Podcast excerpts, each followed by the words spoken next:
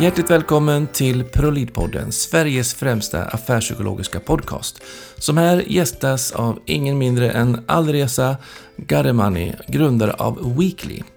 Det här är ett specialavsnitt där vi samarbetar med Sveriges HR-förening och möter talare och gäster direkt på plats under HR-dagarna.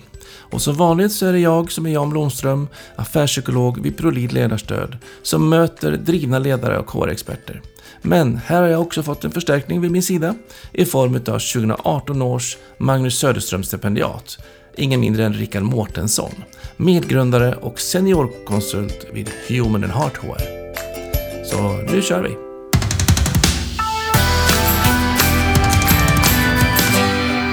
Hjärtligt välkommen till ProLead-podden. Vem är det vi har som spännande gäst nu? Ja, tack så mycket, tack så mycket. Jag heter Alireza Aromäki Garimani. Lite svårt att säga ibland. Ja, jag lätt. lämnar över ansvaret till dig. Ja, det är bra. Det är helt okej. Det är helt okej. Jag har lagt till faktiskt Aromäki i mitten här. Det är min frus efternamn. Jaha. Just för att det är mycket lättare när jag går på sjukhus och sådär eh, och de ska ropa på mig så använder de, har de börjat bara, då har de märkt liksom att de bara använder Aromäki. Så kan jag bara sitta så här i mina egna tankar och sen när de har skrikit, för tredje gången, då ställer jag mig upp och bara, det är jag, det är jag, det är jag. Ja, det låter bra. Jag ber om ursäkt för Nej, min ingen fara. inkompetens där. Nej då. Du har pratat på scenen precis här på HRs eh, HR-dagar. Mm. Vad har ditt huvudbudskap varit? Nej, men huvudbudskapet har handlat väldigt mycket om att vilka faktorer är det som påverkar engagemanget, ledarskapet, kulturen, det som vi, har, vi pratar ständigt om, eh, ledningsgrupper år efter år. Vilka gruskorn, vilka sandkorn är det som påverkar de här på ett positivt eller negativt sätt? Och då har vi tittat på eh, 36 drivkrafter. Vilka drivkrafter påverkar vad? Och hur kan man förändra de drivkrafterna? Och vilka drivkrafter påverkar mest då? då? Ja, du, det, var, det, det var en bra fråga faktiskt. Jag skojar lite. Nej, men när vi tittar på engagemanget till exempel så har vi ju då att eh, det som påverkar väldigt mycket, vi delar upp engagemanget till exempel i eh, personligt individuell engagemang Ja. och organisatoriska förutsättningar för engagemang, engagerande organisatoriska förutsättningar. Och tittar vi på den första så handlar det väldigt mycket då om eh, variation i arbetet, tillfredsställelse, meningsfullhet, involvering i arbetet, balans, att man har balans i arbetet i privatlivet. Ja. Om vi sen liksom drar isär det och ser, ja men vad påverkar meningsfullhet då? Alltså, vi fattar, meningsfull, man ska känna att arbetet är meningsfullt för att vara engagerad. Ja. Det kan ju de flesta räkna ut själva. Men vad vi har gjort i våra mätningar, eh, som vi har gjort i 18 månader nu, eh, är ju att vi har tagit bort mellanmjölken. Det vill säga alla som tycker det är lite lagom. Ja. Och titta på de Tagit som har det... lite mer. Precis, titta på ytterligheterna. Och då ser vi till exempel att människor som upplever hög meningsfullhet, de tycker att ja, de har högre utvecklingsmöjligheter. De tycker att eh, inflytandet är 30% högre än de som inte har, som har, än de som har låg meningsfullhet till exempel. Ja. Så det är ju så viktiga faktorer, men hur skapar vi, och då är det lättare att liksom angripa problemet. Det är lättare att skapa inflytande i organisationer för människor. Eh, tittar vi på till exempel kulturen, rollkonflikter är jätteviktigt för kulturen. Och det kan man inte gissa faktiskt. Den är svårare att säga, ja men det är klart rollkonflikter är viktigt för kulturen. Eller? För att rollkonflikter, vad det gör är att det skapar en massa problem mellan kollegor. För människor vet inte, vad är mitt ansvarsområde? Var går gränsen för mitt ansvarsområde? Och vilket mandat har jag i mitt ansvarsområde? Om man inte vet om det, då skapar man en massa rollkonflikter. Och det förstör kulturen, sociala gemenskapen, tilliten i kulturen och så vidare. Så det, det, man kan göra rätt enkla saker Ja. för att komma åt För man blir misstänksam, man vet inte riktigt var, varför gör de det som jag, borde inte jag ha gjort det? Och, Exakt, eller du gör någonting och folk tycker att det är helt onödigt att du gör det. ja. Det är ju ännu värre. Då blir man ju bara så här demotiverad. Och, och det är de här sakerna vi mäter hela tiden. Vi mäter dem varje vecka. Vi har gjort det i 18 månader nu med 5000 människor som har svarat varje vecka på eh, 12 frågor från ett 93 frågors batteri då.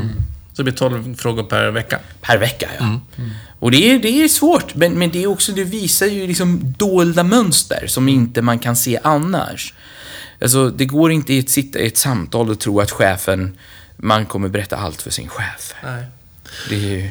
Men, men, men det här är ju någonting som skiljer sig åt lite grann, tänker jag, från de flesta andra. För medarbetarenkäter man gör en gång per år. Precis. Där man då bränner av hur många frågor som helst som man storknar. Och sen så tar det ett halvår innan man har börjat haft en dialog om de där. Ja, och så ska man göra åtgärdsplaner. Ja. Och så, så följer man aldrig upp dem. Nej. För hälften av styrkan har hunnit försvinna. Och det nästan spelar ingen roll eftersom det där var frågor som var aktuella för ett halvår sedan. Exakt. Så att den här nyhets... Liksom dagsformen, tänker jag, är, tycker jag är ett intressant i det du pratar om. Att läsa av dagsläget lite mer. Ja, det, det är ju som det här med GPS. Alltså att om inte du vet vart du är på kartan så är det svårt att hitta fram. Liksom. Jag började bara för att dra, det här kom 2010. Jag hade ett team på 100 personer egentligen. Eh, och jag tyckte jag var jätteduktig. Jag har eh, liksom, varit ung chef. Jag hade liksom rekryterat nästan alla dem. Och så började jag jobba med de här människorna och såg att ja, men lönsamheten var inte så jättebra. Och jag tänkte så här, jag var rätt ung chef då. Så jag sket ju fullständigt hur de mådde. Så tänkte jag, ja, men jag måste ju tjäna mer pengar. Vi måste ju vända på trenden. Men Pang på rödbetan. Ja, men jag visste inte vad det, vad det berodde på. Ja, det, behöver jag driva mer marknadsföring? Fast det gjorde jag ju. Behövde jag liksom ändra i, i vad vi säljer? Nej, men vi hade bästa produkterna i Sverige. Så vad är det som gör att vi ändå inte funkar? Och då började jag mäta, så jag tvingade folk att svara varje dag. Tvingade. Svara varje dag i slutet av sitt skift varje dag. Vad tycker du om de tio olika sakerna i, i din arbetsmiljö? Och när jag gjorde det, då fick jag upp de här jättefantastiska mönstren. Dolda mönster som jag inte såg innan. Vad som påverkade resultatet, det vill säga hur mycket pengar jag faktiskt tjänade i slutändan. Och vad var det du såg då? då? Jo, men det jag såg att konflikter, konflikter mellan medarbetare, tidigt mellan medarbetare, påverkar hur de behandlar kunder. Och då mätte jag samtidigt NPSen, Net Promoter Score, det vill säga kundnöjdhet, och då kunde jag säga, okej, människor med låg ehm, eh, då, eh, om det var mycket konflikter så påverkade det kunderna. Och kunderna slutade helt enkelt handla. Och så gick försäljningen ner. Ingen rocket science, men det hade jag inte tänkt på. Och så, så, så var det, hade jag ju förbaskat dålig ledarskap tydligen. Hade ingen aning om det. Jag tyckte jag var en skitbra eh, eh, ledare liksom. Men det var det är det som är så spännande också. För att det är liksom ingen and science, säger du. Nej, när man vet om det eller när man tänker på det. Och ändå så tappar man det spåret. Då är det ju rock and science. Ja, det kanske För är det chefer. faktiskt. Ja, det kanske är det. Jo, men, För jag brukar säga så att Ja. vi har så otroligt mycket lättare att fela mellan faxmaskinen eller kopieringsmaskinen om den inte funkar. Då, då larmar vi av direkt. Men om Mm. vi har ett beteende som inte ligger i linje, ja, men då, då fegar vi ur. Vi vågar aldrig nästan prata om beteenden. Mm. Nej, och, och, och fråga det är sant. om beteenden, eller kommunicera vad jag förväntar mig om ditt beteende. Mm. Men det, det där är lite läskigt nämligen, för chefer. För att vi är ju inte, så här, jag blev chef för att min, min chef tyckte jag vill betala dig mer pengar för du är duktig på ditt jobb. Och nu måste jag då betala dig mer pengar, men jag kan inte göra det om inte du är ansvar. Och så tänkte jag liksom, jaha, du menar alltså jag får mer betalt, jag får basa över folk. Jättebra, det tar jag direkt liksom. Jag hade ju aldrig förstått riktigt vad ledarskapet går ut på. Men jag tyckte jag var natural born leader. Och det kanske man är, men ändå. Men ändå, men ändå så är man inte det. För jag kunde inte, jag kan fortfarande, på ärligt, handen på hjärtat, jag kan fortfarande inte riktigt ta de här svåra samtalen. Jag tycker det är lite jobbigt. Ja. Jag måste ladda upp och ta ett sånt här svårt samtal som till exempel trakasserier eller rollkonflikter eller vad det nu kan vara. Jag, jag jobbar ju jättemycket med eh, att hantera just, eh, ja, utreda mycket delar. Och det jag kan se ibland är ju det att, att eh, just att ta de här första samtalen. Eh, att inte chefer gör det, utan att man går antingen så är det 0% eller så är det 100%. Vilket innebär att, när man, att man tar i alldeles för hårt. Eh, så, att, så, så det skapar enorma motsättningar istället och, och att människor upplever sig vara trakasserade. Eh, Ja, för de blir påhoppade, för det kom Ja, från ingenstans. Det kom från ingenstans och, och, och, och då har man kanske, det som jag säger, tyst sanktionerat de här dåliga beteendena under lång tid. Vilket faktiskt gör att jag menar att chefen själv är ansvarig för att situationen ser ut som den gör. För, för man har inte satt eh, spelreglerna för gruppen och då kan man ju inte komma tre månader senare och, och banka stort och säga att nu ska du få en varning eller du kan inte vara kvar nu med vara. När, när, man, har- när man har tillåtit det här beteendet. Och där tror jag, jag inte vad du säger, men att, man behöver jobba mycket, mycket mer med att faktiskt tidigt eh, diskutera de här frågorna. Vad är, det, vad, vad är okej på vår arbetsplats? Och, och, och kunna säga ifrån innan det går för långt. Jag, jag brukar ofta eh, eh, prata om det med allvarssamtal. Till chefer och ge dem tips kring det. För att man laddar ju upp det, precis som du säger. Att man, det är gru- gruvsamt, man gruvar sig, man skjuter på det och sen så tar man i och så um, kommer liksom en ketchup-effekten med alldeles för mycket. Men ett allvarsamtal för mig är ju egentligen att man ger en kort markering, där man liksom som arbetsgivare är officiellt lite sur. Där man säger att nu, det här var inte okej Rickard, liksom. skärp dig. Och ett sånt möte ska ta max tre minuter. För jag ska bara informera om att det du gjorde, det var inte okej. Bara så du vet. Det var det bästa tipset. Eh, bo- Alltså, verkligen. Jag håller helt och hållet med Och er. då, då kan man ta tio sådana i veckan utan att egentligen ladda upp. Och jag tänker du säger Jan, vad du säger, men, men i det här fallet att också fundera på varför gör jag det här? Gör jag det här för min skull? Eller gör jag det för mottagarens skull? Eller för verksamhetens skull. Ja. Ja, för verksamhetens skull. Egentligen är det ju... Och, och, och det är väl överordnat, tänker jag. Men ofta när, när, när man som chef, i de här lägena, när man, när man känner den här ilskan och, och när man ska ge den här feedbacken. Då är det snarare för att man själv har ett behov av att ja, nu, nu jävlar vill jag tvåla till den här människan ordentligt och förklara vilken idiot det är, rent sagt. Ja, det är Eh, jättehemskt, verkligen. Ja, Och ett sånt möte blir alltid kränkande, tänker Ja. jag, för den som får ta emot den utbildningen. Ja, och problemet är att det ofta också blir fel för den personen som ger det. För det är ju klart att, att det, det mötet kommer ju bara skjuta relationerna i sank. Ja, ja, gud. Man har ingen, nästan ingen återvändo efter det. Det blir svårt att reparera den. Ja, Jag kan bara det, det är som, en ja. sak bara till på just det här med allvarssamtalen. För att man har gjort den markeringen att det var inte okej. Då kommer nästan alltid den här reaktionen. Ja, men du förstår att, eller liksom någonting. Egentligen man bara säger stopp, jag vill inte höra. Jag, det här var inget samtal, det var en information om att jag inte tyckte det var okej. Sen kan vi ha ett till möte där man pratar om vad var det som hände. Men börjar man ha en förhandling, där man vä- väger för och nackdelar, men då blir vi liksom inne och tjafsar. Och då blir det sulligt. Men det blir du sa, jag sa och det vill man ju inte ha. Nej, och så, ja, jag hör vad du säger, men i alla fall, eller någonting sånt där. Utan kort, rent enkelt. Jag tänker framförallt ni som lyssnar, att Ja. gå inte igång och bara gör det och sen går ni in i, i dialogen, utan håll mötet tre minuter långt. Jag har faktiskt påbörjat den här resan själv som chef. Jag har ju varit chef i 15 år någonting. Och, och det, det senaste fem åren har jag funderat på, eller senaste 15 åren har jag funderat, hur blir jag en bättre chef?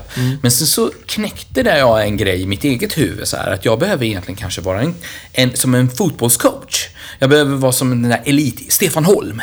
Liksom, vad, hur, Stefan Holm och hans kollegor från alla länder, de är alla lika duktiga egentligen på att hoppa höjdhopp. Men det som gör det, det är ju den här mentala styrkan, den där coachingen som gör att de klarar den där pressen att leverera i sista sekunden. Så hur blir jag en bra coach? Så nu när jag har ett litet ett, ett team så gick jag in till dem och sa, vet ni vad? Eh, för ett år sedan. Jag kommer vara er coach. Jag kommer inte prata om överhuvudtaget om processer, strukturer, rapportleveranser. Ni behöver inte rapportera vad ni gör, hur ni gör det, när ni gör det. Jag vill inte veta sånt. Jag vill, jag kommer däremot ha samtal med er om era beteenden och coacha er i hur ni kan anpassa. Vilka beteenden som är accepterade och vilka som inte är det. Och det har funkat rätt bra. För jag har, kan ha, det är inte riktigt tre minuter, men, men det, det är inte långa samtal där jag kan ta in dem på ett rum och säga, vet du vad? Det här beteendet är inte okej. Så här gör vi inte. Punkt. Och det förutsätter ett grundkontrakt. Och det handlar om att är vi överens om att vi vill skratta ihop, gråta ihop, svettas ihop. Precis. Är vi överens om det, då kommer vi kunna hantera vad som helst. Ja. Ja, och så kommer jag till min kärnfråga också i, i rollen som, leda, som ledare.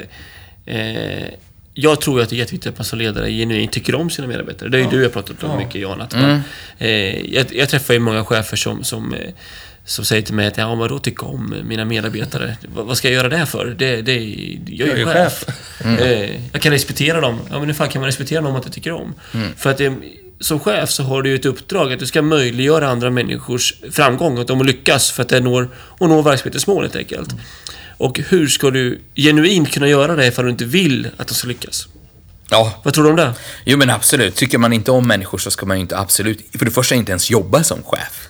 Kan man inte tycka om människor så ska man inte jobba som chef. Jag säger det här nu, om det är någon som lyssnar som inte gillar sitt team, för Sluta. guds skull, sluta vara chef, du förstör människor. Nej men det är ju så. Ja, det håller jag Det är med klart man måste älska, och, och är det, det, det, det gäller ju för allt. Jag har ju pratat precis om förälskelse. När, när man söker ordet engagemang så får man upp bilder på människor som pussas och kramas. För det här kommer från ordet engagement, engelskan förlovning. Och det är så här, det, det hör ju ihop. Det handlar om förälskelse. Om man inte kan älska det man gör, om man inte kan älska människor som man jobbar med, så ska man inte göra det. För då blir det bara pannkaka och skit av det. Sen är det ändå viktigt, tror jag då, i och med att jag, jag är ju en, en superförespråkare för att mäta och förstå. Det är alltid bra att mäta, för det är vissa saker som alltid inte kommer riktigt fram till mig som chef. För som chef så har jag också upplevt att man ofta missar själv vilken makt man sitter på. Man glömmer bort att man faktiskt tar människors plånbok och sitter på dem. Man kan ta bort den när som helst, den där brödfödan. Och då sitter man på en makt, vilket gör att människor inte vågar alltid berätta exakt som det är. Och det behöver man ha en ofiltrerad kanal för. Och det kanske är det som är skillnaden mellan kärleken till sin partner, där man kanske inte ska mäta lika mycket. Nej. Men, men på arbetsplatsen så kanske vi faktiskt ska ha lite mer underlag för det vi gör. Eh, Det sista budskapet då, som du vill skicka med till lyssnarna här när det gäller medarbetarengagemang. Liksom, vad, vad är viktigt att tänka på? Vad är det Ja, men eh, om jag börjar med liksom så här, det, jag börjar med att prata egentligen om att det är jätteläskigt att mäta så här kontinuerligt. Det, det vill jag verkligen skicka med. Eh, första gången jag mätte det 2010, min, min eh, första impuls var att jag raderar allt det här. För jag hade byggt upp det själv, jag hade knackat ihop ett system, jag mätte och efter en månad när jag såg resultatet, hur uselt det var, så sa jag det här måste jag radera. För om min chef ser det så kommer han sparka mig. Så illa var det. Men det tog några nätter och så, så grunnade jag på det här och insåg att okej, men om jag faktiskt kan bättra på det och sen visa på att jag kan. För att om jag vet vad jag är så kan jag förbättra det som är. Då kanske jag mår lite bättre själv. Och jag vågade att, att stå upp och säga nej, det här ska jag inte radera bort, det här ska jag visa för min chef och jag ska göra en plan för hur vi ska förändra det här. Och det visade sig att vi gick från liksom svart, röda siffror till svarta siffror på två år genom att jobba med människor. Vi, åkte, vi tog med människor som hade olika typer av behov till olika eh, liksom insatser, gjorde olika insatser med olika människor.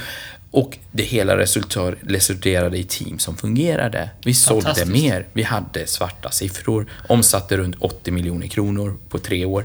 Och det, det hänger ju ihop med att får man människor att må bra, får man människor att trivas, inte bara så här, ja jag tycker om dig, utan på en grundlig nivå. Det vill säga det här eh, liksom psykologiska så att man inte kickar igång deras nervsystem så att de blir utbrända, utan de mår bra, de verkar funka, de funkar ihop. Då får man förbaskat bra resultat även på Så du blev inte att pengar. göra för din egen skull, utan du vart ju också för deras skull. Ja, ja, Ja, precis. såklart. Precis. Så det. Jättespännande att få höra dina Ja, engagerade, engagerade resonemang. Tack. Tusen tack för att du kom. Tack så mycket. Många tack. Och Tack. bara innan du skiljs åt förresten också. Om man då vill veta lite mer kring din metodik för, Mm. för just eh, mäta och grejer, vad heter det? Eh, Det heter Weekly, eh, en plattform jag har jobbat med i 18 månader nu också. eh, Och eh, vi lanserar faktiskt i nästa vecka. Ja. Så att eh, det är bara att gå in på weekly.io och kolla in det. Så där finns det massor med information. Äh, toppen. Ja, Toppen. tack ska ni ha.